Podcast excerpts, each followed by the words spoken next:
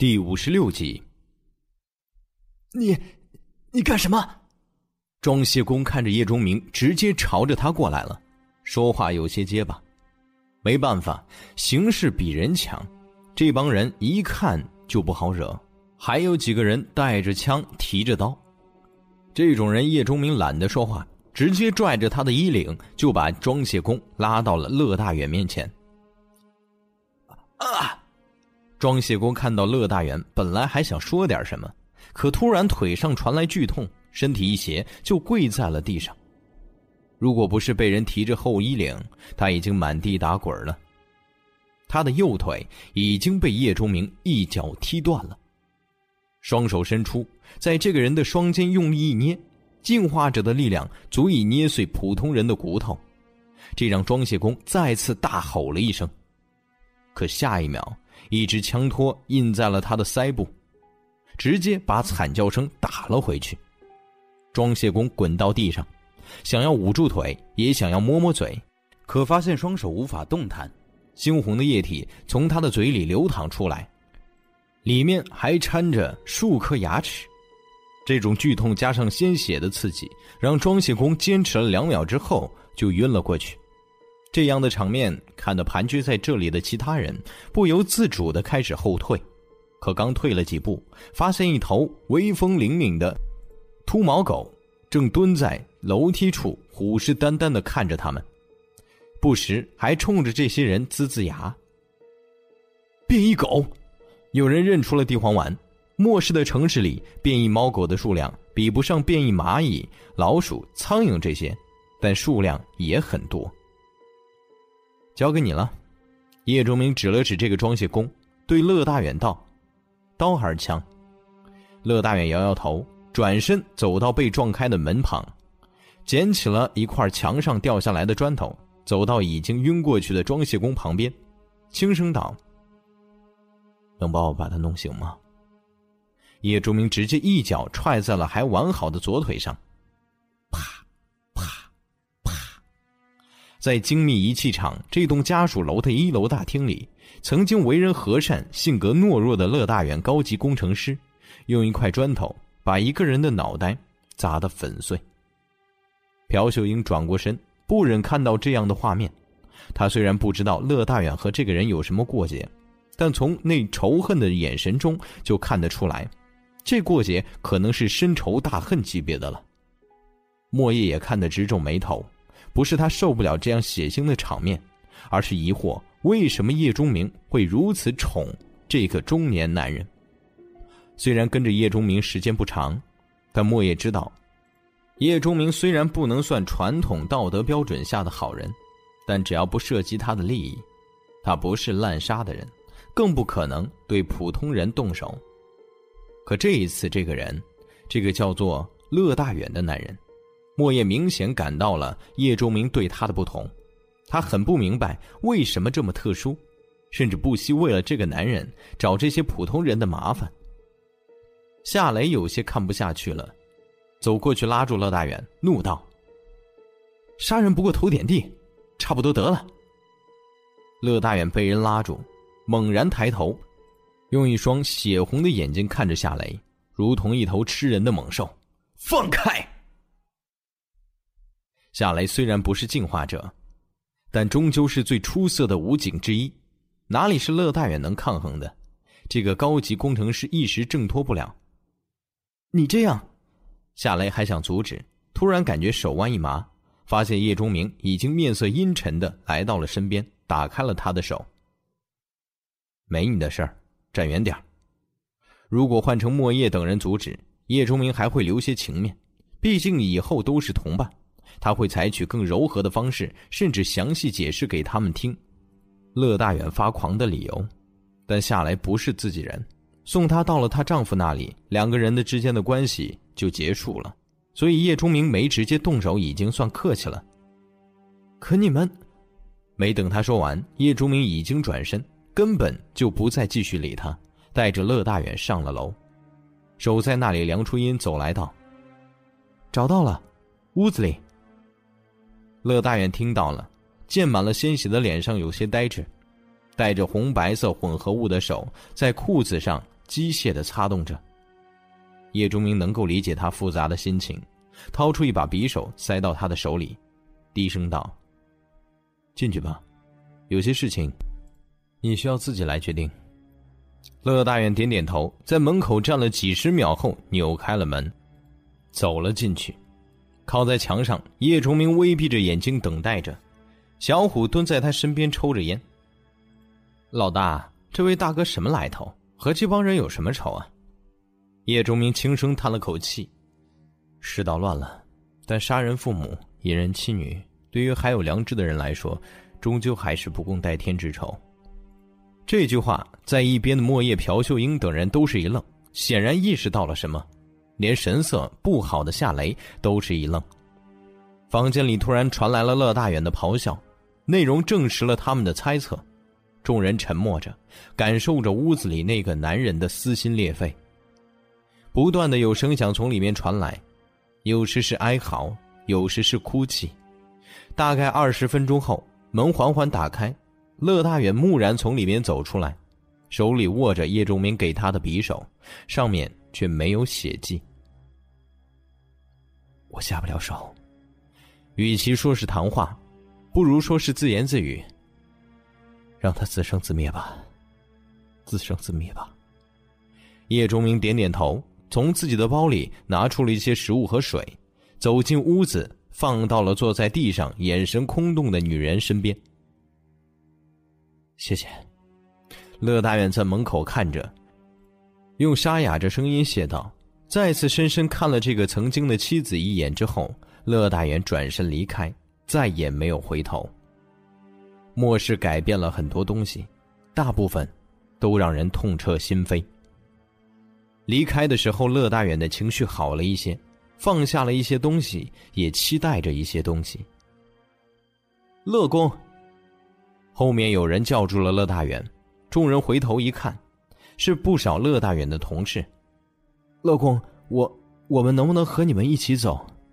这些人也是技术员，之前和乐大远一样，都是被扔到走廊里等死的人。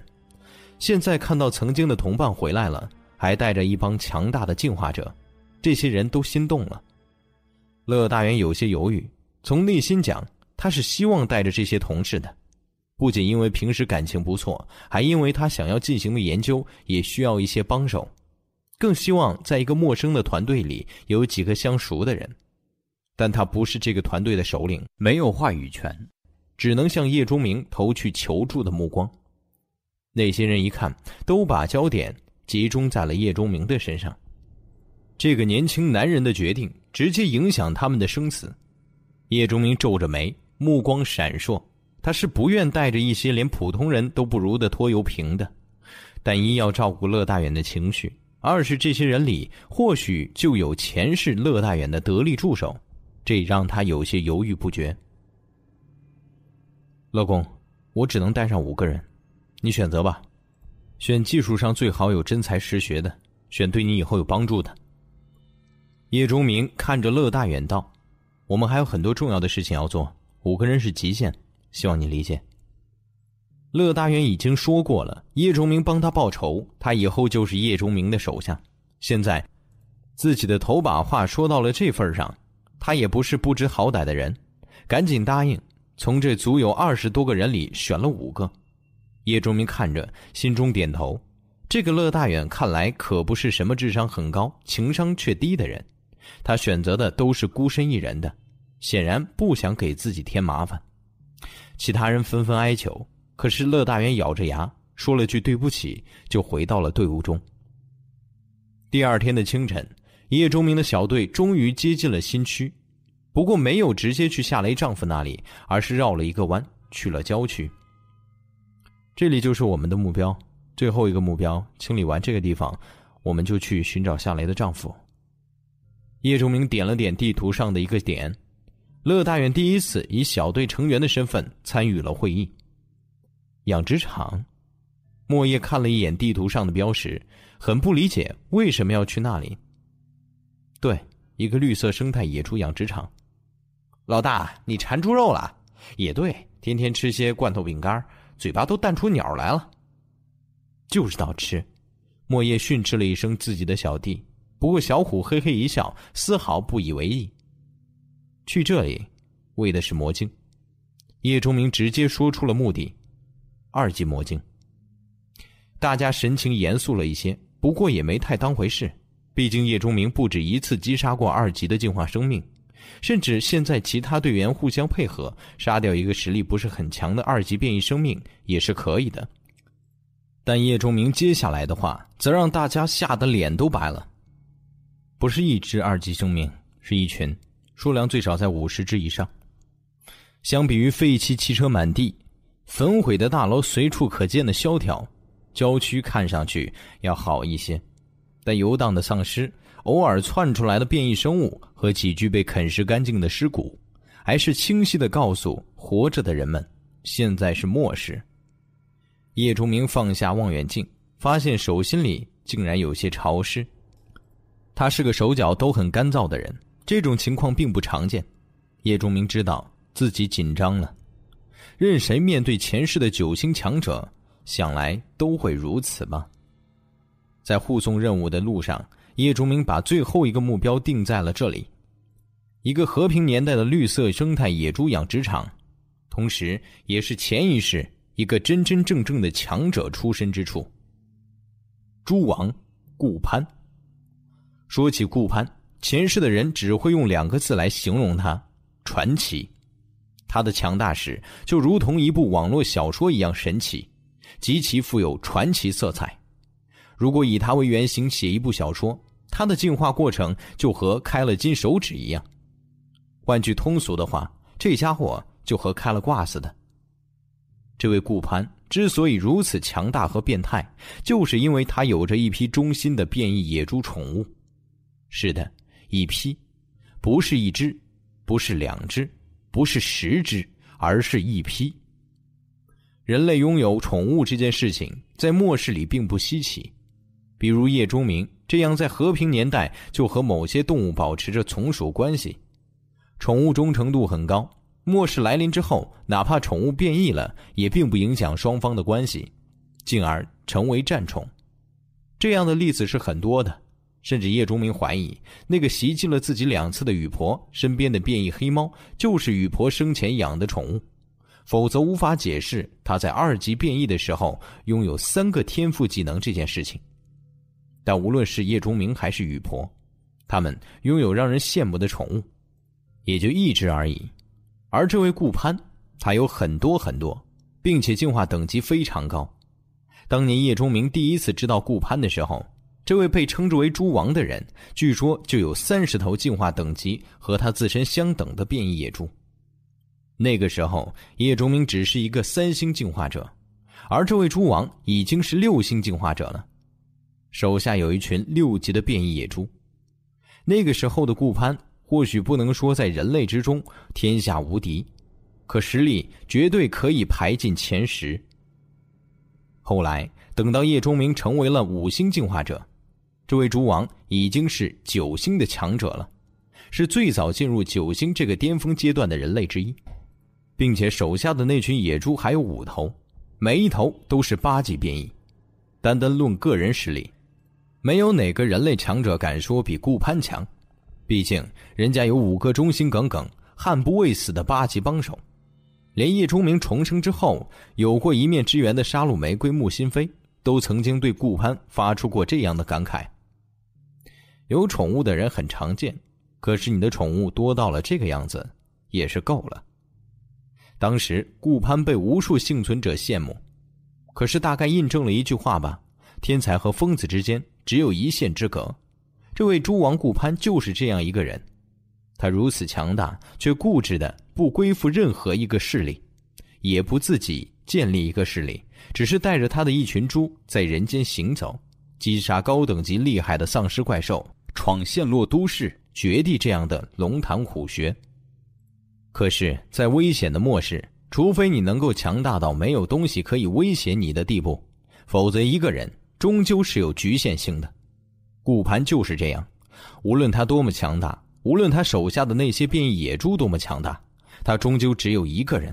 那群变异野猪让他可以越级挑战，可以获得魔晶快速进化，可到了巅峰的时候，五头八级变异野猪就如同诱人的财富一样被人觊觎。终有一天，两个九星强者所在的势力联合在了一起，设伏偷袭了顾潘。在率先缠住了顾潘之后，两位九星强者联手迅速击杀了五头八级变异野猪，然后从容对付顾潘。杀死他之后，把他的尸体喂了宠物，成就了人类第一只九级的宠物的诞生。顾潘风光的一生就这样悲惨的结束。那个时候，叶钟明刚刚成为六星强者，直到顾潘死后，人们才知道了一些他的情况。特别是有人开始撰写《人类至强者》这一本末世类的连载人物传记，叶钟明才从上面知道自己和顾潘来自同一座城市，知道了顾潘原来是开养殖场的，是一个野猪饲养员。所以现在叶钟明把目标定在了这位猪王身上，定位在了那些已经进化到了二级的变异野猪群。他需要再次进化，他需要大量的二级魔晶。这里是他能够想到的、能够快速得到的大量二级魔晶的唯一地方。或许这一次需要杀死一个未来的九星强者，但叶钟明并不在意这个。王丁在前世还是被称之为天刀的九星强者呢，不一样，被自己砍掉了一只手臂。如果不是当时精神力枯竭无法追赶，已经有一个未来的九星强者死在自己手里了。既然这样，再杀死一个又如何？况且前世顾攀的一生好像挺悲壮，但仔细想想，他的那些变异野猪为什么进化那么快？在六七级的时候，还一直保持着和主人同样的进化等级，那是沾满了鲜血的结果，并且很大程度上沾满的是人类的鲜血。末世没有人是无辜的，每个人都死有余辜。看看现在猪圈里那些足有上百具被啃食的只剩骨头的尸体，说都是丧尸，谁信呢？一个养殖场，才能有几个工人？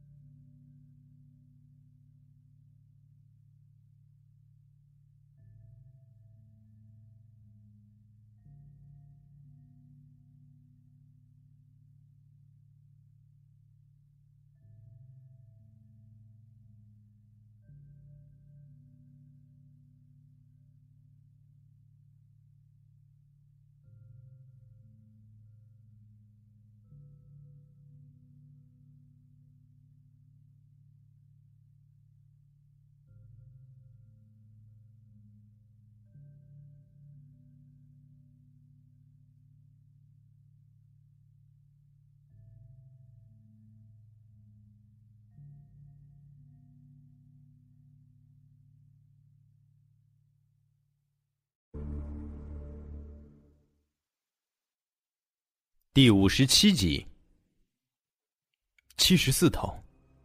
莫叶擦了擦光洁额头上的汗水，感觉有些口干舌燥。其中二级变异野猪四十六头，一级变异的二十八头。我去！小虎那边没心没肺的说了一句，脸上竟然全部都是兴奋之色，惹得莫叶丢过来一个好大的白眼儿。钟明。我们是不是重新考虑一下？朴老师也是看得心惊肉跳。那密密麻麻的变异野猪实在是太可怕了。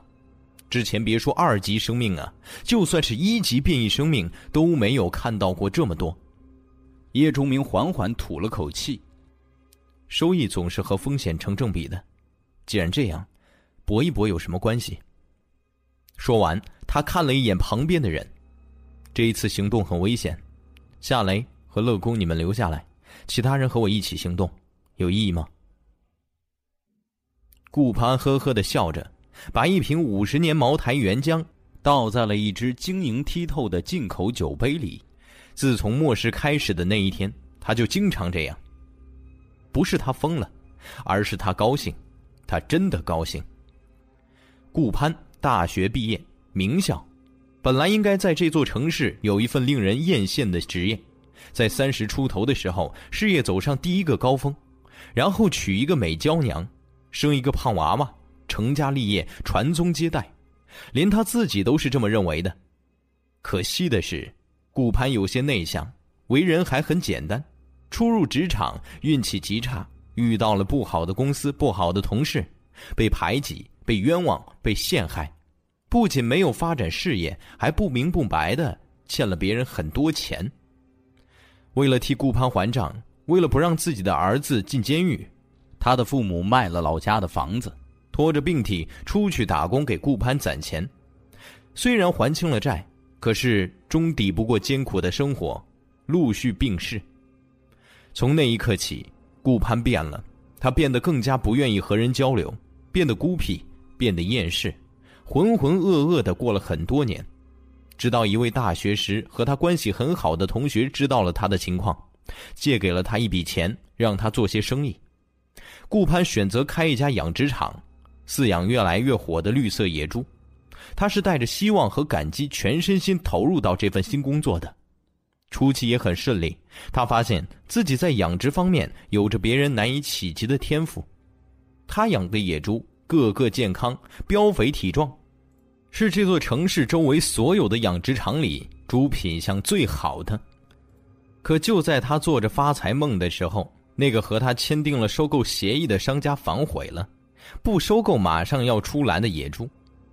之前同学借给顾攀的资金已经投入到建厂、购买种猪，还有之后的饲养中了。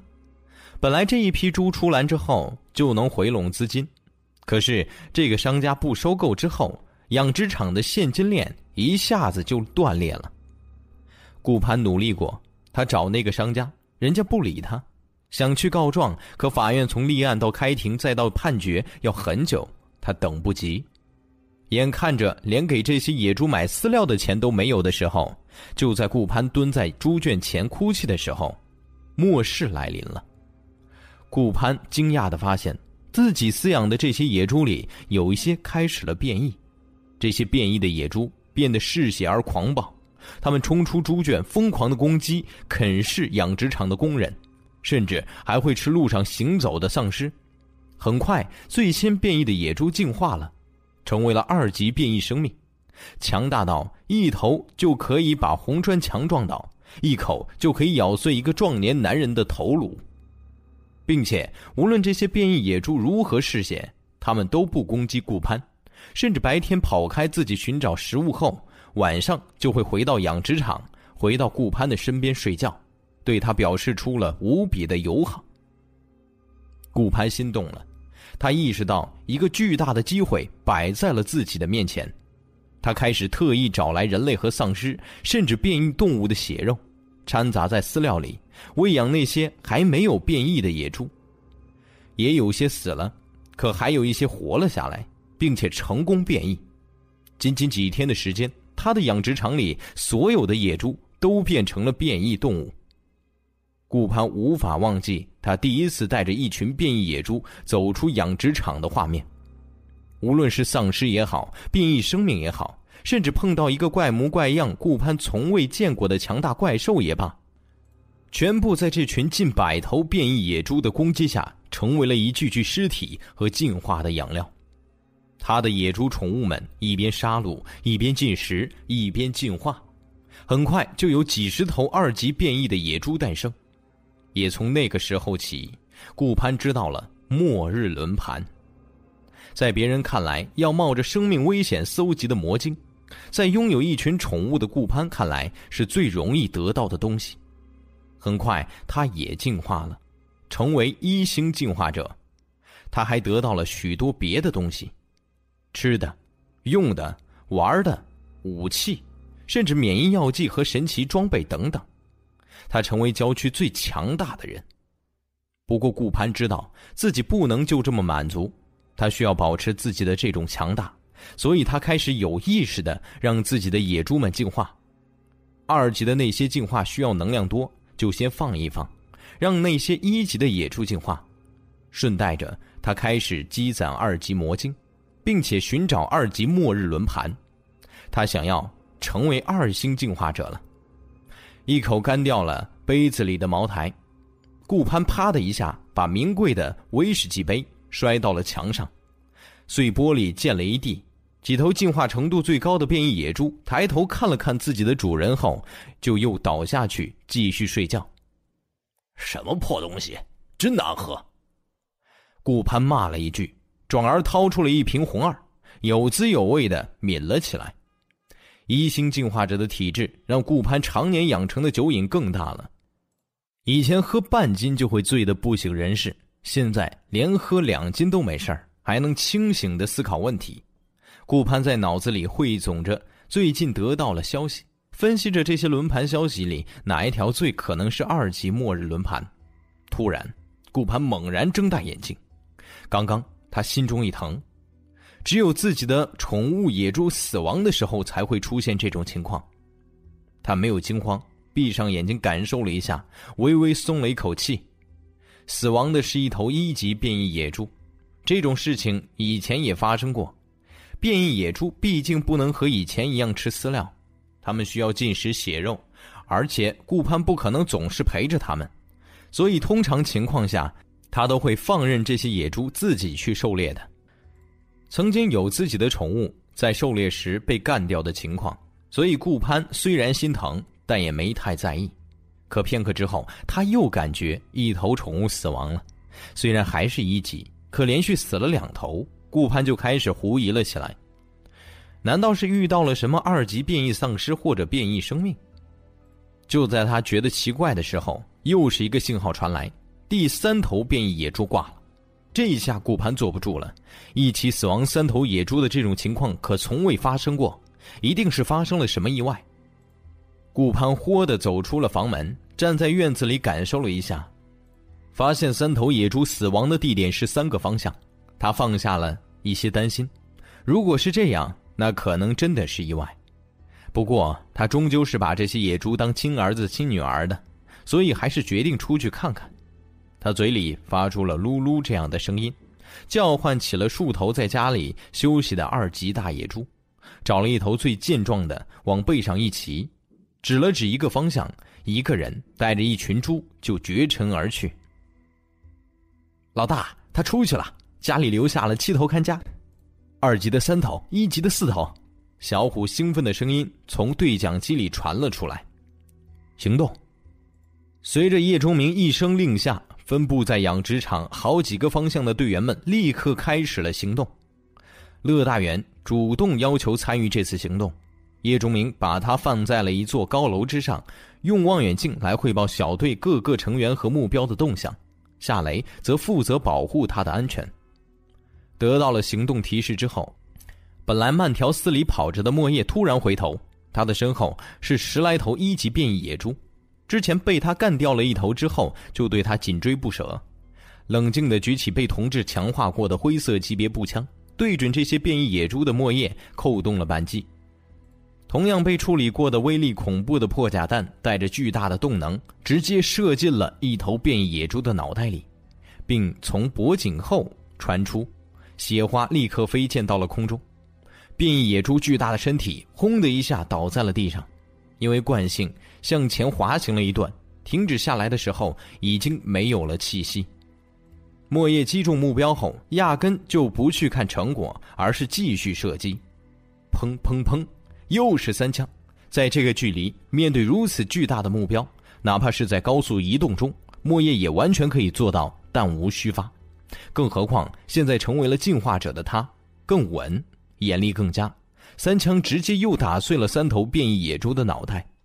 莫叶知道自己的任务，众人在这里耐心等待了两天的时间，才寻找到了这些一级变异野猪在一起猎食的情况。他必须要完成自己的任务，尽量减轻叶钟明的压力。四枪之后，这群变异野猪已经冲到了近前。全身竖起的坚硬猪毛，让他们看起来仿佛一只只巨大的刺猬。只是嘴里伸出的两枚锋利獠牙，却告诉莫叶，他们可不是刺猬那种遇到危险就会缩成团的柔顺动物，而是吃人喝血的变异生命。长枪向身后一背，风之月就被莫叶提在了手中。他神情无比专注，刀锋竖于身前，等待着和剩下的六七头野猪碰撞的那一刻。莫叶清楚的记得，在分配任务时，叶钟明说的一句话：“我们只有在时刻保持快人一步的进化速度，才不会被淘汰，否则只是早死和晚死的区别。”大家都是聪明人，莫叶明白这句话背后的意思。跟不上叶钟明脚步的人就要被淘汰。末世开始的这一个多星期，莫叶已经变了，不再是那个心中总是以救人为己任的武警，而是一个在末世里求活的女人。他明白，想要活下去，就得先把命不当命。同时，莫叶心中也有期望，这期望或许不大，但却真实存在。如果自己好好的活着。或许还能看见自己的父母。变异野猪终于撞了上来，莫叶那张英气十足却有着精致五官的脸上，浮现出了和平时代绝对不会有的狠厉和杀意。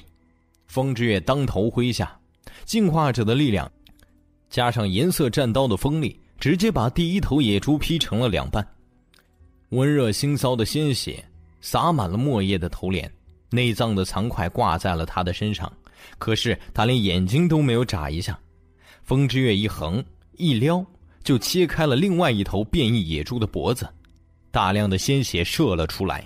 这一头野猪身体一歪，倒在了一边。连续得手，没有让莫叶大意，他快速的后退，避开了两头野猪的撞击和獠牙穿刺，靠在了停在路边的一辆面包车上。轰的一下，一头野猪的獠牙刺进了金属车底。逼得莫叶再次躲闪。叶钟明之前已经告诉过众人，这些变异野猪通常可能会有的天赋技能，要么是獠牙穿刺，要么是猪大锤，就是用猪头的猛烈撞击。除此之外，如果变异野猪身上有明显的特异化部位，那就要小心那里。之前莫叶已经观察过，这些一级变异野猪里并没有什么特异品种。所以他只需要躲开他们的靠近就可以了。这些野猪悍不畏死，看到把莫叶逼到了车边，就开始疯狂的攻击。莫叶刚刚削断了一头野猪的獠牙，另外一头野猪的大脑袋就撞了过来。莫叶只能原地起跳，双腿尽量弯曲，以躲开这次攻击。野猪的大头擦着他的脚底撞了过去，和另外一头野猪碰到了一起，两头野猪的脸都被对方撞破。没等莫叶落下，另外一头野猪又冲了上来。这一次，莫叶避无可避，他只是试图用战刀来拦截一下，可是因为角度的问题，风之月并不能使上力。眼看就要受伤，一只黄色影子突然从车后跃了出来，直接扑到了这头野猪身上，足有几百斤的身体立刻就被扑倒在了一边。莫叶从空中落下。战刀捅进了一头野猪的嘴里，奋力一脚，结束了这头野猪的命，嘴里大呼道：“谢谢了，大黄狗。”地黄丸锋利爪子划开了他扑倒的这头野猪的腹部，接着迅速跳开，躲开了野猪临死前的反击，冲着莫叶叫唤了两声，以表示自己有名字，不叫大黄狗。有了地黄丸这只马上就要进化到二级的变异生命帮忙。莫叶依靠着风之月的无坚不摧，迅速解决掉了全部的变异野猪。地黄丸挑拣野猪最嫩的肉在进食，莫叶则一边挖着魔晶，一边冲着对讲机道：“战斗结束，两分钟后到达第二任务点。”梁初音在飞速的奔跑着，身边一面晶莹的空灵盾正缓缓转动着，他必须尽快找到观测点，发现到这里寻找食物的两头二级变异野猪。并且在空灵盾能量耗尽之前击杀他们，之后赶去他的第二任务点。以前梁初音只和一级变异生物战斗过，说实话，对于没有任何战斗经验的他来说，一切都只能依靠本能。目标确定了之后，这两天大家一直在等待着机会，一个这群野猪尽量分散的机会。只有这样，众人才可以陆续削弱顾攀的实力。否则，哪怕有叶钟明在，大家也没有实力去战胜拥有一群战宠的养殖场主。可一旦计划进行，就需要小队的每个人都要独当一面，每个人都要尽可能多的消灭变异野猪，给最后出手攻击顾攀的叶钟明减轻压力。任务是临时分配的，梁初音的第一个任务，就是要击杀落单的两头变异野猪。梁初音知道自己很危险，甚至可能因此而跌掉性命，但他想试试。两头变异野猪大声咀嚼着人类香嫩的内脏，这东西虽然蕴含的能量不太多，但口感确实很好。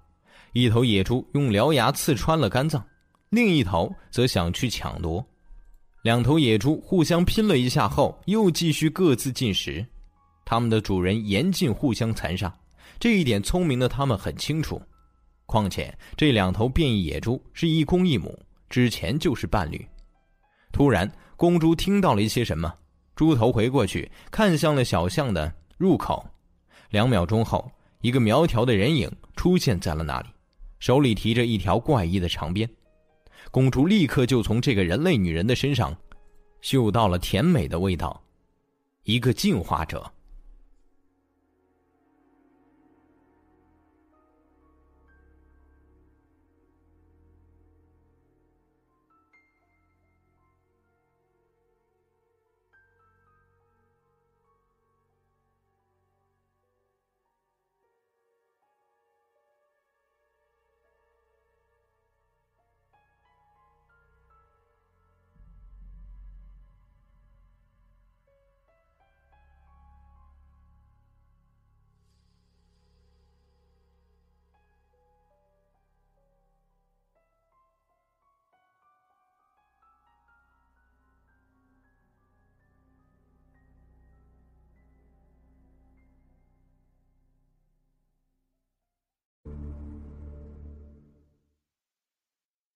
第五十八集，哼哼了两声，贪吃的母猪鸡蛋大小的眼珠斜了斜，已经走进了小巷中的人类女子没有丝毫动弹，她正用不太灵敏的猪蹄破开人类的胸骨，最鲜嫩的心脏就在下面。看到母猪没有动弹的意思，公猪不满的又哼了哼，慢慢转过身体，冲着这个人类就发出了一声怒吼。嘴里的碎肉和人血随着口水喷出去老远。梁初音心中闪过一丝恐惧，这是人之常情。和平年代，一个男人看到另外一个男人拿着刀都会产生畏惧心理，更何况在末世等级被清晰的划分出来之后，一个一星进化者看到二级变异生命，并且还是两个。深吸一口气。梁初音妩媚的小脸上浮现的不安被坚决所取代，脑海里出现了一个男人的身影，他顿时感觉勇气壮了许多。公主本来就很暴躁，她感觉对面的人类没有什么让她觉得危险的地方，她立刻发动了攻击，猪头一低，冲着梁初音就冲了过来。二级变异野猪的身体比一级的更大，看上去就和一头骡子差不多，这一头要是撞上了。一米七身高的梁初音，C 罩杯的胸都会被撞碎。知道自己和二级变异生命实力上有所差距，梁初音也不拖大，看了一眼还能坚持一会儿的空灵盾，直接就用出了自己的职业技能——影四方五旋。变异柳条做成的白色级鞭子，顿时换成了无数道鞭影，笼罩了梁初音窈窕的身影。这个无差别的范围攻击技能。其实更适合去对付成群的目标，比如莫叶要对付的那些。可变异野猪的防御力很强，在同级别的变异生命当中，至少可以排在中等偏上。叶竹明认为这个技能并没有把握秒杀一级变异野猪。如果不能秒杀，那么面对那么多受伤暴躁的野兽，梁初音很难应对。虽然他可以再次使用技能。两次加在一起倒是可以击杀那些野猪，但两次之后，梁初音就会失去战斗力。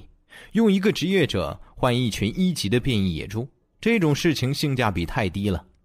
二级变异公猪显然是没想到这个人类竟然发动了如此猛烈的攻击，可是他已经进入到了攻击范围内，鞭子抽在身上，那些变得锋利无比的柳叶破开了他的皮肤，划出一道道血印。公猪在疼痛的刺激下，眼睛变得通红，他根本没管漫天的鞭影，冲着梁初音就发动了天赋技能“猪大锤”，那坚硬如铁的脑袋直接撞向了梁初音。影四方五旋这个技能实在太快了，在短短的时间内，每一片区域鞭子都落下了几十次，每一下都落在这头公猪的身上，这让他的伤口越来越多。短短几米。公猪全身已经被鲜血染红，根本看不出来原来皮毛的颜色。终于，公猪在技能将结束的时候，冲到了梁初音的身边，大头带着他的愤怒和憎恨，撞在了梁初音身上。不过，公猪马上就感觉到不对，因为对于脑袋撞在人类身上的感觉，他非常熟悉。他微微抬起头。就看见一个奇奇怪怪的东西挡在了他的面前，是空灵盾。啪的一声，空灵盾碎了。这枚盾牌本就加持了有了一会儿了，现在又是被二级变异生命的天赋技能撞到，立刻完成了他的使命，碎掉了。可空灵盾的破碎让公猪彻底停了下来，并且因为巨大的撞击反震力，公猪的头骨都凹陷下去了一块，身体。晃晃悠悠的，有些站立不稳。这就和汽车撞到了墙上原理一样，如果墙体不结实，汽车直接就撞了过去；如果墙体结实，汽车就会被拦住。这两种情况之下，车身的损坏程度是截然不同的。前一种一定没有后一种严重，前者毁掉的是墙，后者毁掉的是车。现在公猪就是这样，如果它撞到的是柔软的人体。那最终胜利的是他，可是偏偏他撞到的是一面盾牌，于是公猪悲剧了，七窍流血，成了血猪。梁初音看到公猪受了重伤，哪里还会客气，直接一鞭抽在了野猪的双眼之间，那里正好也是头骨塌陷碎掉的地方，这一下直接把公猪的头部开了瓢，连惨叫都没发出一声。巨大的身体砸在了地面上，就开始剧烈的抽搐，显然是活不成了。梁初音松了一口气，心中对叶钟明的佩服又加深了许多。这种情况是他完全料到的，那个男人总是能在现有的基础上发现胜利的机会。母猪愣了片刻，应该是没想到公猪竟然这么快就死了，他吐出了嘴里的半颗心脏。浑身的鬃毛竖起，悍不畏死的发起了冲锋。他要为他的伴侣报仇。和公猪不同的是，母猪的天赋技能是獠牙穿刺。它扬着两只粗大锋利的长牙，要把这个人类女人刺穿，然后挑飞。等她落在地上，再破开她的胸膛。梁初音开始后退，他本就没有进入小巷很深，这一退立刻就出了小巷。消失在了母猪的视野当中。愤怒的母猪丝毫没有放缓速度，它呼啸着冲了出去。宽敞的道路立刻让视线开阔了一些，但是母猪愣然间发现，相隔仅仅一秒，它竟然失去了那个人类的踪影。有些声响从上方传来，母猪抬头一看，就看见那个消失的人类正从上方落下。他的手刚刚松开，早已插在巷口墙壁上的一把匕首。这个人类竟然借力于匕首跃上了半空，从上而下利用他视野的盲区发起了偷袭。母猪是二级变异生命，它的智慧已经远超普通的动物。虽然被这个人类偷袭了，但它丝毫没有慌乱，反而大嘴咧开，仿佛在嘲笑这个人类的自不量力。他的嘲笑不是凭空而来，在被偷袭的情况下，这头母猪生生制住了身体，接着人力而起，两只獠牙就对准了从天而降的梁初音。下一秒，獠牙就会刺穿网红的身体。梁初音看着距离自己越来越近的獠牙和母猪的大嘴，神情无比专注。在某一时刻，他的手腕突然一翻。手中的变异柳条长鞭灵蛇一样卷住了一旁一户人家的防盗窗，微微用力，身体就随着改变了方向。母猪的獠牙差之毫厘的从他的身边擦了过去。梁春用的力量不大，所以只是躲开了变异野猪的攻击，他空中的身体依旧在这头母猪的头部附近，他的另一只手出现了一把有些奇怪的手枪，黑洞洞的枪口几乎直接顶住了母猪的头上。接着，枪响了，三颗子弹接连射入母猪的头部，这个距离，哪怕他是二级变异生命，也不可能躲开。庞大的身体倒下了，周围的地面为之一震，鲜血和脑浆。从弹孔里汩汩流出，片刻就在地上流淌了一大片。梁初音以一个优美的姿态，落在了母猪尸体的旁边，脸上布满了细细的汗珠。显然，他远没有动作表现出来的那么潇洒。风舞者就是这样一个职业，无论什么时候，每一个动作，都无比优美典雅。杀机就蕴藏在这些比舞蹈还要夺人眼球的动作当中。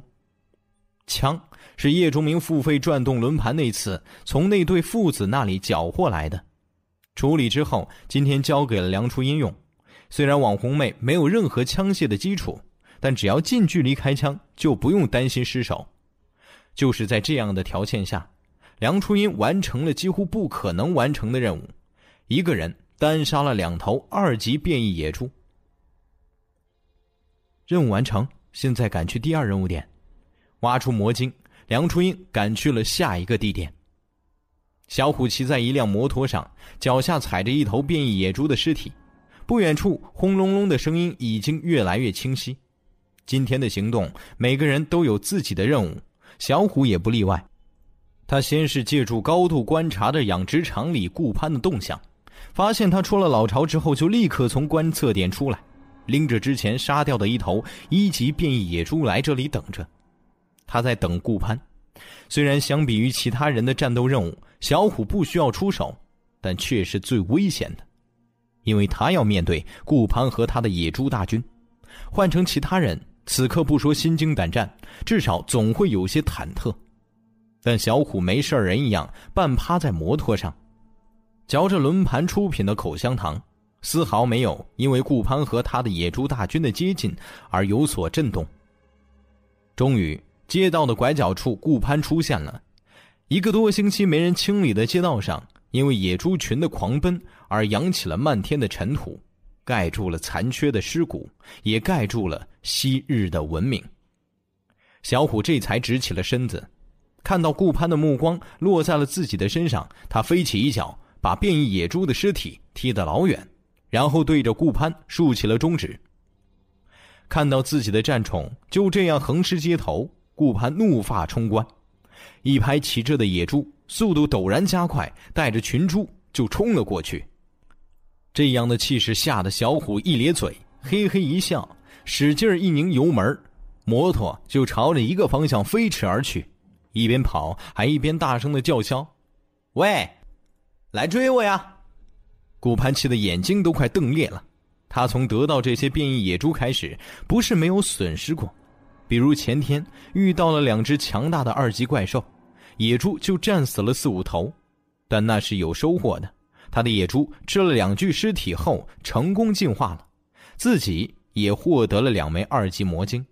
可现在自己的野猪就这样白白被杀死，魔晶还被挖了出去，这种损失是顾攀从未承受过的。二级变异野猪的速度非常快。哪怕是驮着一个人，也没有被摩托车落下，紧紧的跟在后面。半分钟后，距离养殖场便有了些距离。也就在这个时候，顾攀感到自己的宠物猪们接连和他失去了联系。先是十来头一级的野猪，然后是两头二级的变异野猪。顾攀终于明白，他被针对了，有人在有计划的猎杀他的宠物。前面这个骑着摩托的人是在牵扯他的主力。明白了这一点，顾攀立刻让野猪停下来，然后迅速掉头。他要尽快回到养殖场。他已经感到，留下看家的野猪正在快速死亡。叶钟明压根就没有掩盖自己的行径，直接撞开养殖场的大门杀了进来。留在这里看家的三头二级和四头一级变异野猪，听到响声，纷纷跑了出来，几乎没有任何间隔，他们和入侵者就撞到了一起。叶钟明手中的风之月全力挥出，一道闪亮的刀芒划开了空气，切进了最前面那头二级变异野猪的身体。职业就是有这样的好处，它可以让你拥有超越自身进化等级的实力。前世叶崇明知道顾攀手下的变异野猪防御力非常强，那个时候他们的身上已经被松油覆盖了一层又一层，加上一些天赋技能，让他们变得很难被伤害到。但现在这些野猪距离那个程度还远得很，他们二级变异的身体无法抵挡银色级别武器的锋利。那头野猪被直接砍成了两半，收刀出纸。养殖场院子里摆放着的那台饲料粉碎机就变成了一个钢铁怪物，扑到了叶忠明身前，替主人挡住了另外一头野猪的撞击。叶忠明双脚在钢铁怪物的身上连点，借助这样的力量飞跃了过去，从天而降，挥出了第二刀。目标正是没有什么防备，刚刚撞在了钢铁怪兽身上的那头棕毛野猪。硕大的猪头被一刀切了下来，温热的鲜血喷洒在了被他一头撞成了废铜烂铁的钢铁怪物身上。仅仅瞬间，叶钟明就秒杀了两头二级变异野猪。职业和技能，让他已经可以完美的越级杀戮变异生命。可叶钟明知道，现在不是高兴的时候。他用臂盾挡住了一头一级野猪的撞击，身体一扭，迅速接近最后一头野猪。或许是刚才两头二级野猪的死亡，让这头野猪感觉到了恐惧。他面对这个人类的时候非常谨慎，不断移动着身体，不给叶钟明可乘之机。叶钟明一看没有机会，也不强求，反身杀进了几头一级变异野猪当中。手起刀落，迅速解决了这些已经不可能给他造成一点威胁的变异生命。整个院子里立刻飘起了浓厚的血腥味儿。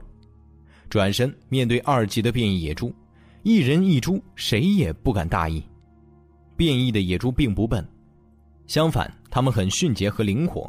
叶钟明只是一星进化者，他出刀的速度还无法跟得上二级变异野猪的移动。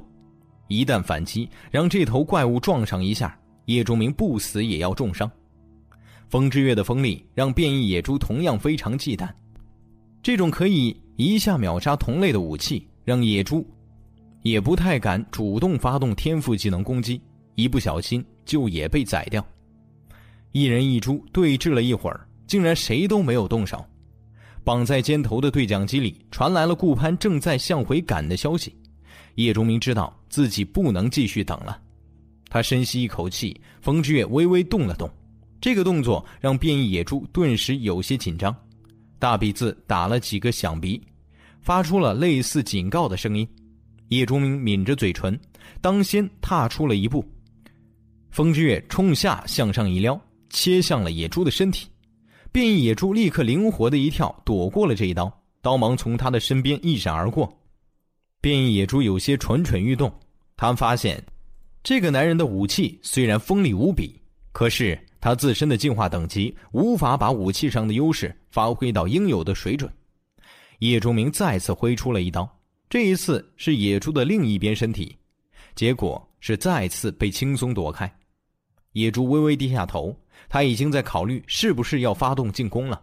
身后突然有些响动，没等野猪反应过来，半截墙壁。已经压了下来，把他直接砸进了砖石里。巨大的危机感传来，这半面墙还伤不到他，可视线受阻的野猪知道那个男人的攻击一定到了，他向旁边直接撞了过去。这个速度，那个人类跟不上。可是野猪只是听到了人类轻声说了三个字后，自己的身体就被切开，临死他都不明白是怎么回事。叶钟明说了三个字是。蓝海段，光辉印刀师里第二分支刀手系的职业技能。他没有使用强大的印风焰刀，虽然这个技能肯定可以直接秒杀这头二级变异野猪，但是消耗的精神力太多了，会让后面的计划受到影响，以至于让整个行动彻底失败。所以他只用了蓝海段，刀手分支的职业技能。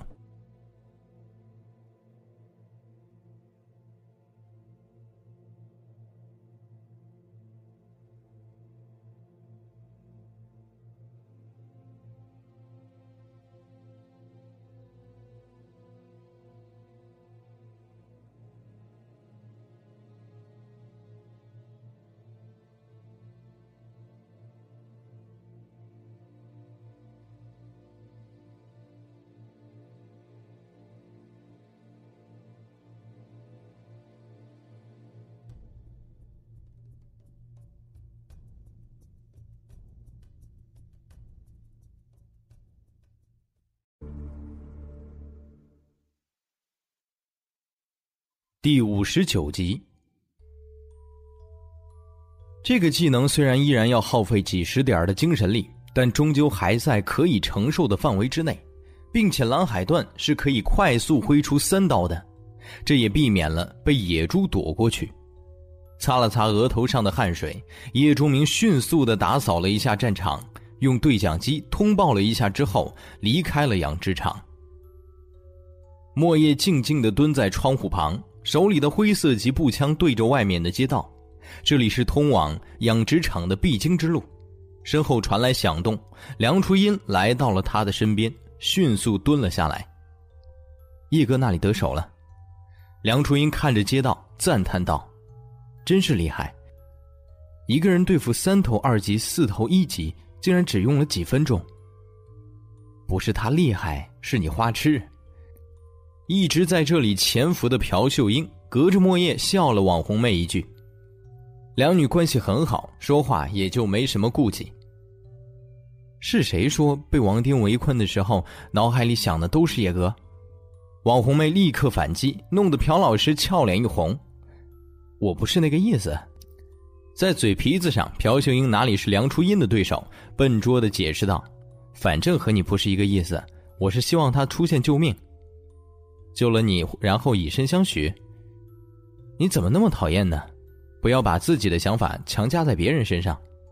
莫叶听着两个比自己都要小一些的同伴斗嘴，嘴角微微露出了微笑，不过马上脸色一整，低声道：“来了。”两位斗嘴的妹子立刻神情专注了起来。街道的那一头，先是看见了漫天的尘土，然后是轰隆隆的蹄声。顾攀和他的野猪群出现了，干活了。梁初音站了起来，深吸了一口气，示意朴秀英给他加一面盾，然后身体就贴在了窗口，准备随时从二楼跳下去。看了一眼外面越来越近的野猪群，梁初音突然嘟囔了一句：“混蛋，妈的！今天老娘要是死了，男人都没碰过。”一下子。屋子里的气氛就从沉重到了活泼，莫叶含着笑，忍不住瞪了梁初音一眼，重新屏气静心。朴秀英给梁初音加了一面空灵盾，红着脸道：“嘴就是个没把门的。”顾攀离得近了，他已经感觉到自己留在家里的战宠全部死亡了，心疼的连连抽搐。为了这些战宠进化，他做很多背弃道德甚至良心的事情。就是梦想有一天自己可以带着这些强大起来的战宠横行天下。可是仅仅这么一会儿，已经死了二十多头了，二十多头啊！他一共才有七十多头，一下死了快三分之一了。顾盘没有因为养殖场的战宠全部死亡而减缓速度，这里距离家里已经很近了，他要把那个杀手堵在那里，然后一点点的杀掉。砰！一声突兀的枪响传来，顾攀就是一愣，接着他看到了一头二级野猪从半空掉了下去，重重摔在了地上，左侧的身体上有一个清晰的弹孔，正在向外流着血。顾攀立刻就趴在了猪背上，刚才是这一头二级变异的野猪感觉到了危险，窜出来替自己的主人挡了一枪，如果不是他，顾攀已经死了。弄清楚了一切的顾攀浑身都是冷汗，他意识到自己的每一步都被人算计好了，从吸引他的注意力，然后分别消灭四散的野猪，再到必经之路上袭击他，一切都在别人的掌控之中。情急之下，顾攀接连发出了一连串叫声，野猪群顿时放缓了速度，不断有野猪从顾攀的身边奔跑掩护。尽可能挡住被攻击的角度，砰！又是一声枪响，又是一头变异野猪被打死。这一次，顾攀捕捉到了枪声的来源，他怒吼一声，指挥着野猪群就朝着枪手藏身的这栋楼袭来。梁初音看着下面密密麻麻的野猪群，知道该是自己出手的时候了，紧了紧手中的长鞭，身体灵巧一跃，从二楼跳了下去。身体还在空中，就发动了影四方五旋。今天咱仨不死的话，哪天一起去找个男人吧？佳民，听到了吗？枪声。正躲在一台废弃的流动清洁车后面的年轻人侧耳听了听，对身边的同伴小声道：“佳明点点头，他也听到了枪声。难道是基地里的人出来打猎？”开始说话的人又问了一句。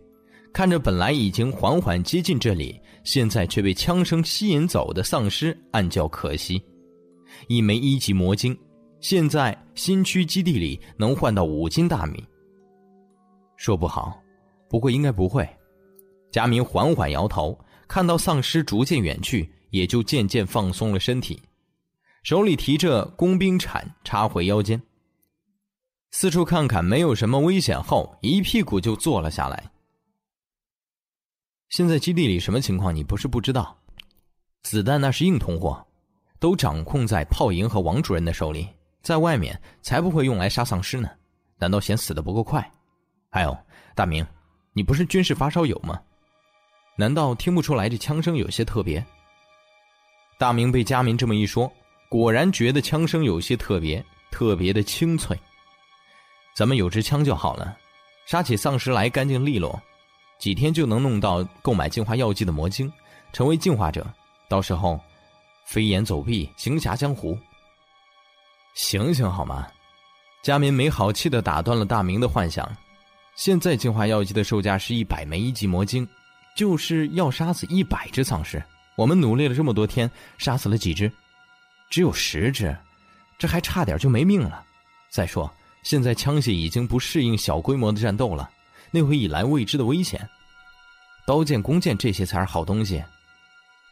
大明被说的有些蔫头呆脑，叹气道：“要是我们可以随意转动轮盘就好了，说不定我们一次就能赚到进化药剂呢。”佳明给了大明一个大大的白眼儿：“让你随便转动，那人家还怎么控制你？”两个人正想继续说什么，本来已经停止的枪声又传了过来，并且还有愈演愈烈的趋势。对视了一眼，佳明有些不太淡定道：“那边，是不是传言中带着一群猪的那个怪人的地盘？好像是，去看看，还是不要了吧。听说那个怪人让他的猪吃人的，基地的人交涉过，人家压根儿就不理会。我们去了被吃掉怎么办？可是万一有什么意外收获呢？”两个好朋友心动了，决定去那边看看。孟连长，我们还要往前走吗？一个三十岁左右的男子从兜里掏出一包皱巴巴的烟，抽了一根，递到一个黑脸膛的年轻人手里。放在平时，这个被称为孟连长的男人可不会接。先不说牌子不好，属于廉价烟，就说弄得弯弯曲曲都要碎掉的样子，也让人厌弃。但现在可不同，虽然末世开始一个多星期，但是世界变化的太快了。除了基地之外，其余的地方都是吃人怪物，稍微不小心就会死亡。食物和水都严重紧缺，更别说烟酒这种可以适当减缓压力和恐惧的东西了。现在称之为奢侈品，一点都不会过。价值已经超过了大米白面。如果叶钟明在这里，一定会告诉他们，烟酒这两样消耗品在末世里只会越来越昂贵。特别是末世前生产的，更是贵的离谱。现在新区基地里，食物的价格飞涨，以前的金钱变成了废纸，黄金扔到地上都没人要，硬通货变成了武器和魔晶，只有这两样东西才能换来吃的、喝的，甚至净化药剂。至于烟酒，新区基地里存量本就不多，加上这些天的消耗。现在价格已经被炒了起来，虽然还没有叶钟明重生前那么离谱，但也绝对称得上昂贵二字了。人就是这么奇怪，饭都吃不上了，却还会为了这些东西甘愿花钱。基地外面都是丧尸和怪兽，平时没人敢出来，只有有武器的军人和一些胆子特别大的居民才会偶尔出来狩猎。之前的家民和大明属于后者，这支小队。则属于前者。秦克，别叫我连长了，现在大家都是基地的人，都是为了混口饭吃。孟房才接过这根烟，点燃了后，深深吸了一口，感觉着烟雾在身体里扩散。享受的微微闭上了眼睛。只有在这一刻，他才能忘记身处末世，随时可能会死的残酷现实。那你也别叫我秦科了，就叫我秦宇。说着，秦宇看了眼孟房才身边的步枪，眼中闪过了炙热的渴望。如果自己有把枪就好了。秦宇暗暗叹息：有了枪，就会有魔晶；有了魔晶，就会成为进化者；成了进化者，就可以好好的活下去，还会在新区基地里握有无尽的权利。想想那些进化者现在地位和享有的特权，秦宇就心头发热。连长，东西装的差不多了，不过。一个身着有些肮脏军装的人跑了过来，小声说了一句：“这里被丧尸和怪物进来过，还能吃的东西不多，没被污染还能吃的，就只有一袋米，倒是豆油不少，七八桶，还有些零散的挂面。”孟方才一听，脸色就有些难看，他带人从脏脏的下水道钻出来，避开了基地周围的狮群。甚至因此还遇到了变异老鼠，付出了两个战士的生命，到了这里费尽了力气和丧尸肉搏了半个小时，又死了好几个人才占领了这家小粮店，竟然只找到了一袋米。至于油，没有菜，要这东西有什么鬼用？秦宇也一脸灰败，他花了不少代价才得到了这个跟着狩猎队出来的机会。想混点好处，现在看来愿望可能要落空了。至少还得到了十来枚魔晶。那个战士又说了一句，不过说完他也知道这是废话，因为这些魔晶不是他们的私产，回去那是要上缴的。他们能留下两枚就不错了。如果不交，他们在新区里的亲人就要有麻烦，他们自己更是得不到弹药补充。孟方才目光落在前方，刚才秦宇问他要不要往前走，他本觉得那是废话，可现在看来，如果不去那个养猪怪人的地盘看看，这一次的狩猎可就亏本了。就在他踌躇的时候，枪声突然从前方传来，孟方才瞪大了眼睛，听了几秒，大手一挥道：“走去看看。”梁初音跃下的时机很好。顾攀的猪群正好到了他职业技能的攻击范围内，影四方五旋的无数边影落下，落在了变异野猪的身上。同时，梁初音手里捏着的一把魔晶被他吸收。为了这次行动，叶钟明那条翠绿色的项链交给了他。初级冥想交换在这一刻疯狂的发动，把魔晶里的能量转化为精神力，补充进梁初音的体内。以保证他在短时间用出两次职业技能后不会力竭昏迷。带着一股一往无前的气势，梁初音落到了猪群当中。如果梁初音的鞭子也是风之月一样的银色级别武器，那么他的这一招技能足以秒杀攻击范围内这些变异野猪，哪怕二级野猪也不例外。他们的进化程度还不足以抵挡。仅次于稀有级别武器的威力，可是变异柳条只是经过同质强化和附魔，仅仅是白色级别，只能给二级变异野猪造成伤害，却无法给予他们致命一击。不过梁初音的攻击还是让至少一半以上的野猪都受了伤，那些一级的野猪更是皮开肉绽，伤得不轻，其中几头已经倒在了地上，暂时失去了战斗力。莫叶已经从窗口站了出来，他在寻找顾攀，可是几十头的猪群当中，那个人类竟然消失了。无奈之下，莫叶只能对着那些二级变异野猪开枪射击。改造过的步枪加上改造过的子弹，只要击中要害，就会一击必杀。一头接着一头的变异野猪在莫叶精准快速的射击中倒下，战果看似辉煌。可是这是要付出代价的，每一颗破甲弹意味着消耗了一件变异生命身体最锋利部分的材料，还有梁初音豁出命去的牵扯。朴秀英的脸色越来越白，她的空灵盾几乎是在不间断的给梁初音施加，因为几乎一秒钟，身在群猪当中的网红妹就会遭到足以让空灵盾破碎的强大攻击。仅仅过了五六秒，朴老师的精神力就开始告急，最多只能坚持两三秒。莫叶扣动扳机的时候，枪口没有子弹再射出来，破甲弹已经用光。他面色一变，冲着下面的梁初音喊道：“没子弹了，上来！”早就等待着这个命令的梁初音，手中的鞭子向上一卷，扣住了排水管之后，猛然拽动，身体。就从猪群中飞了出去，莫叶伸手把他拉进了屋子。此时，朴秀英能够施加的最后一面空灵盾也正好破碎，再晚那么一秒，梁初音就再也上不来了。你受伤了，莫叶看到网红妹的腹部的衣服一片嫣红，显然刚才的战斗让她受了伤，空灵盾也没有护得了她的周全，咬着牙。朴秀英给梁初音甩出了一个甘露术，他的精神力彻底告罄。走上楼，莫叶扶着有些身体无力的朴秀英，三人就要向着楼顶进发。那里是留下了的后路，他们通过那里跳去另外一栋楼，剩下的事情是叶钟明的了。可是没等三女走出屋子，本就关着的房门被什么东西一下子撞开。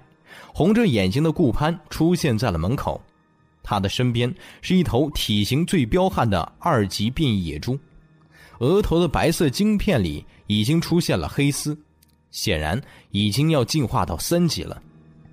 顾攀此刻目眦欲裂，怒火焚天。就刚才这么一会儿，他手下的野猪死了二十多头，加上之前被这帮人杀的，他的猪群已经没了一大半。顾攀本来是怕的，他真的怕，他看不懂那个女人手里的枪，威力太大了，一枪就可以把一头二级野猪打死。他之前见过最先进的自动步枪，也无法造成这样大的伤害。他也看不懂，那个妩媚的如同狐狸精一样的女人身边不时出现的那一面半透明的盾牌，那小小的东西，竟然可以抵得住二级野猪的全力一撞。顾盘刚才吓得腿都在抖，他甚至产生了带着最厉害的几头野猪逃跑的念头。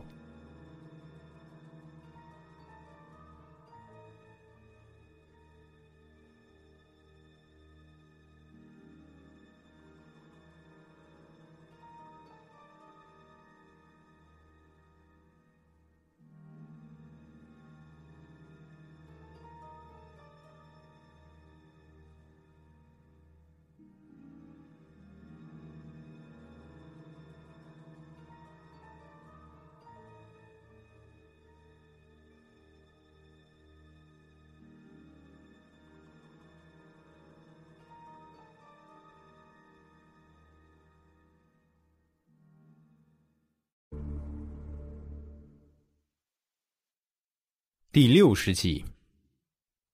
可是，当他战战兢兢摸进了大楼，到了这间屋子外面时，他听见了里面的人没有子弹，听见了那面盾牌已经不能再出现。于是，顾攀的胆子又回来了，他要抓住这几个女人，弄清楚这都是怎么回事然后折磨他们，杀死他们，最后把他们通通喂猪。野猪轰隆隆冲进了楼里，正在朝着二楼狂奔而来。可是门口却被堵住，窗户下是十多头不甘心正在那里守着的变异野猪。片刻之间，三女就从攻击方变成了防守方，还被死死困住。死吧你们，死吧你们！顾攀呢喃着，声音里是冰冷的杀意。他丝毫没给三女机会，对着他们就发出了咆哮。野猪从他的身边冲了过去。仰着獠牙杀向了三女，莫叶把朴老师向身后一拉，抽出风之月就迎了上去。梁初音也咬着嘴唇，拖着疲惫的身体配合莫叶进攻，刀影和鞭影顿时洒满了整间屋子。最先冲上去的野猪没有想到风之月是那么的锋利，直接被莫叶切掉了脑袋。后面的一头野猪想要躲闪。却被梁初音用鞭子缠住了脚，向己方一拉，送到了莫叶的刀下后，屋子里便又多出来一头猪尸。本来都已经进到了屋子里的顾攀，下意识后退了两步。这两个女人竟然还有一刀就能杀死二级变野猪的武器。顾攀的一切勇气、胆量、凶狠、杀意，都是建立在他的野猪身上。当他发现他的这些战宠不是无敌的时候，他又回到了以前那个内向、厌世、懦弱的失败者样子。或许很多年后。他一点点强大，会彻底摆脱原来的影子，但至少现在，他还没有叶钟明那样，漠视十年锻炼出来的一往无前和奋不顾身。但紧接着，群猪凶猛的攻势又给了顾盼一点勇气。三个女人已经被逼到了窗口，哪怕手握可以秒杀二级变异生命的武器，也不能为了一次击杀就不顾自己的生命。野猪太多了，莫叶也只能自保。队长跳！楼下传来了小虎的声音。莫叶抽空回头一看，窗外的小虎骑着摩托冲进了楼下的变异野猪当中，撞开了一头之后，身体一滚落了地，拿着风之月开始奋力砍杀。跳！莫叶做事干脆，把朴秀英向梁初音的怀里一扔，掩护两个人跳了下去。接着，他也一刀逼退了一头野猪，自己跟着跳了下去。顾攀快步走到窗前，身边一头接着一头的野猪跳了下去。他们或许跳不上二楼，但是从二楼跳下去却没有一点问题。莫叶、小虎四个人动作已经很快了，但是变异野猪更快。他们二级进化的体质，依然不是几个人类可比。瞬间，剩下的近三十头野猪就把四个人围在了中央。莫叶和梁初音、小虎三人围在一起，把朴秀英护在中间。每个人各负责一面，苦苦抵挡着疯狂暴躁的野猪群。如果不是两把风之月的锋利让野猪非常忌惮，如果不是长鞭抽拉旋加上足够的长度，几个人现在早就被野猪群吞没。可是莫叶等人清楚，他们坚持不了多久。那边梁初音已经是强弩之末，好几次都需要莫叶和小虎帮忙才守得住。一旦他那边被突破，就是几个人的死期。嗯，小虎那边突然闷哼了一声，原来他刚才贪功，为了杀死一头二级野猪，风之月招式用老，虽然达成了目的。可却被一头伺机已久的野猪獠牙刺到了大腿。如果不是他反应快，风之月快速回转下切，直接切断了这颗獠牙，现在他已经被野猪挑上了天。不过锋利的獠牙还是留在了他的腿上。在他这一侧的莫叶立刻感到小虎的肩头撞到了他的肩膀上。如果不是他在，小虎已经摔倒。在这样每时每刻都血肉横飞的战场上，跌倒就意味着死亡。梁初音那面也呀了一声，手中的鞭子竟然被一头野猪奋力咬住。虽然上面锋利坚硬的柳叶割破了他的口腔，鲜血从嘴里小溪般流下，但这根让野猪们感到厌恶的鞭子却被控制住了。立刻有两头野猪一左一右冲了过来，要了结梁初音的性命。已经浑身无力的朴秀英看到同伴险情，尖叫了一声，就用出了空灵盾，险之又险的挡住了右边的野猪。可用完之后，朴秀英身体一软，就再也站立不住，脑子里仿佛无数只蜜蜂在飞，眼前也是一片昏暗。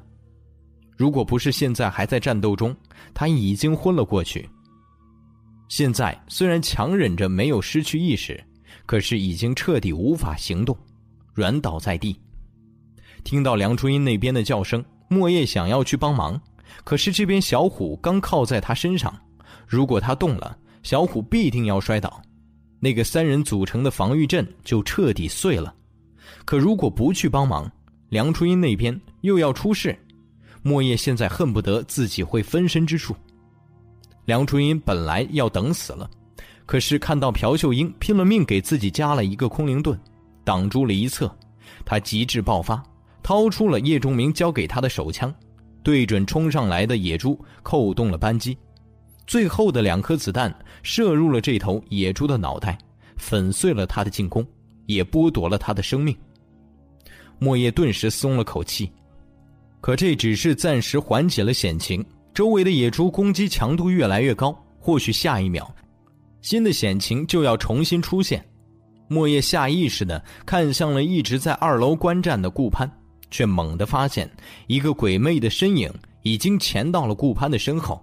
正是早就应该赶来的叶钟明，顾攀正咬牙切齿地看着下面的战斗，每死一头变异野猪，他的心都跟着一颤。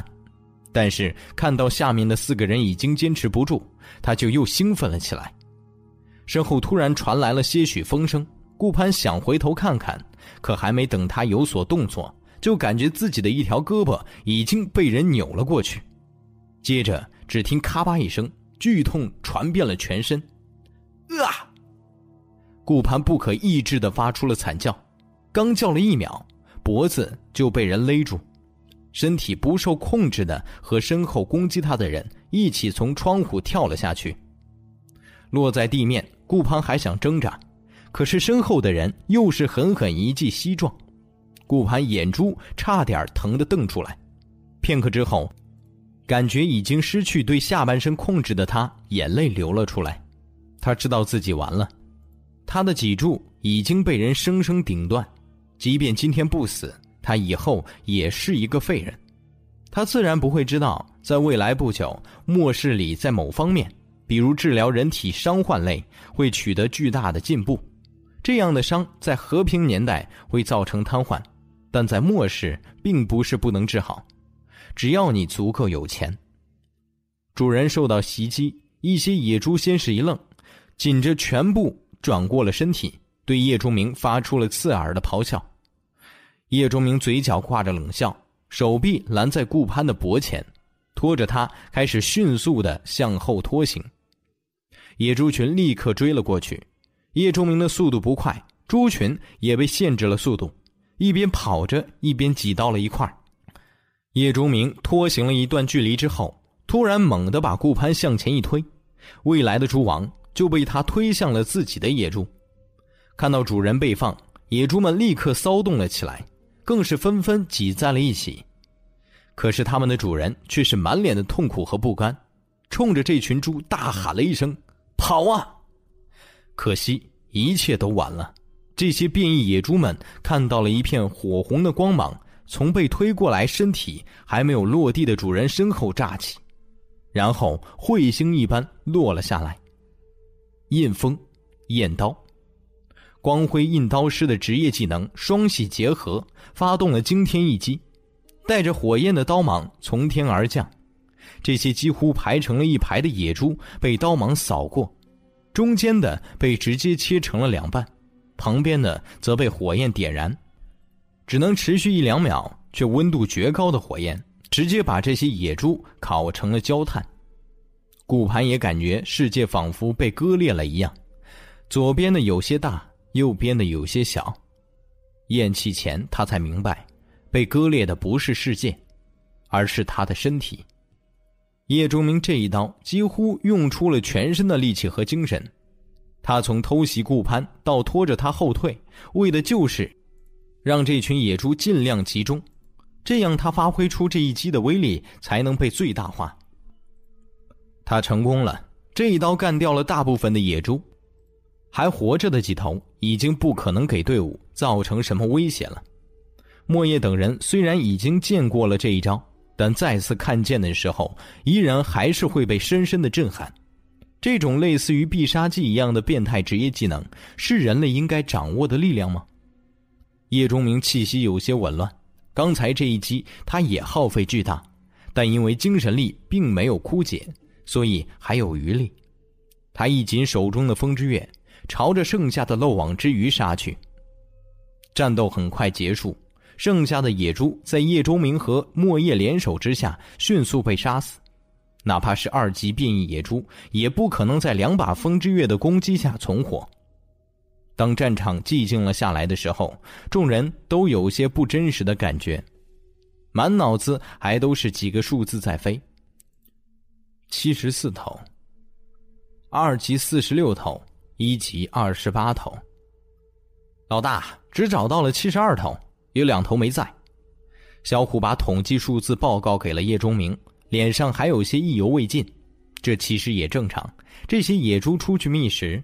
叶钟明他们不可能全部都能确定位置，现在能够击杀绝大部分，这已经是很不错的战果了。叶钟明看了小虎的腿一眼，说道：“不方便就休息一下，就算用了甘露术也没有痊愈。精神力项链已经交给朴秀英使用了，在奢侈的吸收了一些一级魔晶之后，光明使徒老师的精神力恢复了一点。”给小虎和梁初音各用了一个甘露术，两个人的伤口虽然还没有完全好，但已经不太影响行动。小虎这家伙皮实，那剩下的一点疼痛压根儿就没太在乎。战斗结束，剩下的就是打扫战场。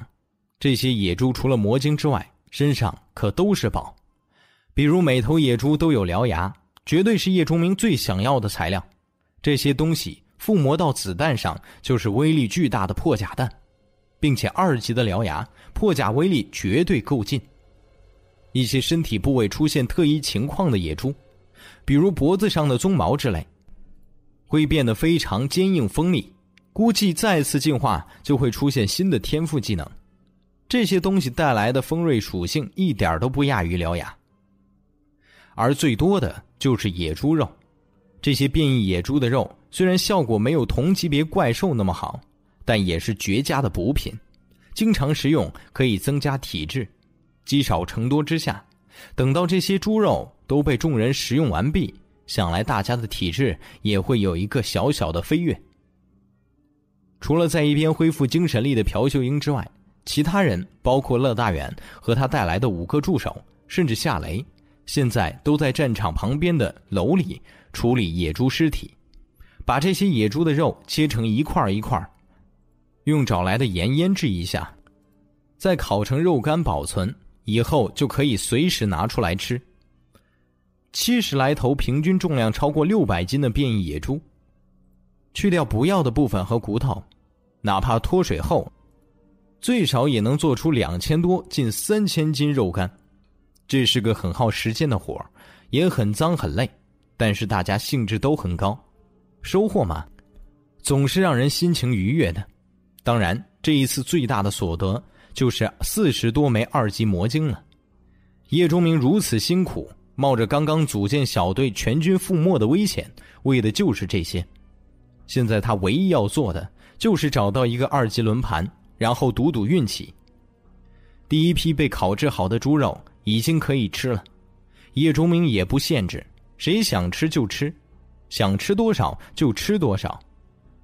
一直跟着叶钟明的莫叶、梁初音、小虎等人还不觉得什么，有叶钟明在，他们压根儿就没饿过肚子。但乐大远六个人就有些感动了。在精密仪器厂的家属楼里，哪怕作威作福的管长春他们也没有这样的口福吧？这可是变异野猪的肉，吃了体质会增加，并且还不限量。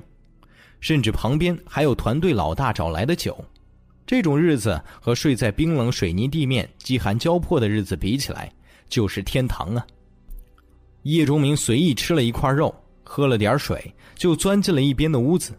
里面地黄丸正在对付那些进化等级最高的二级变异野猪的尸体。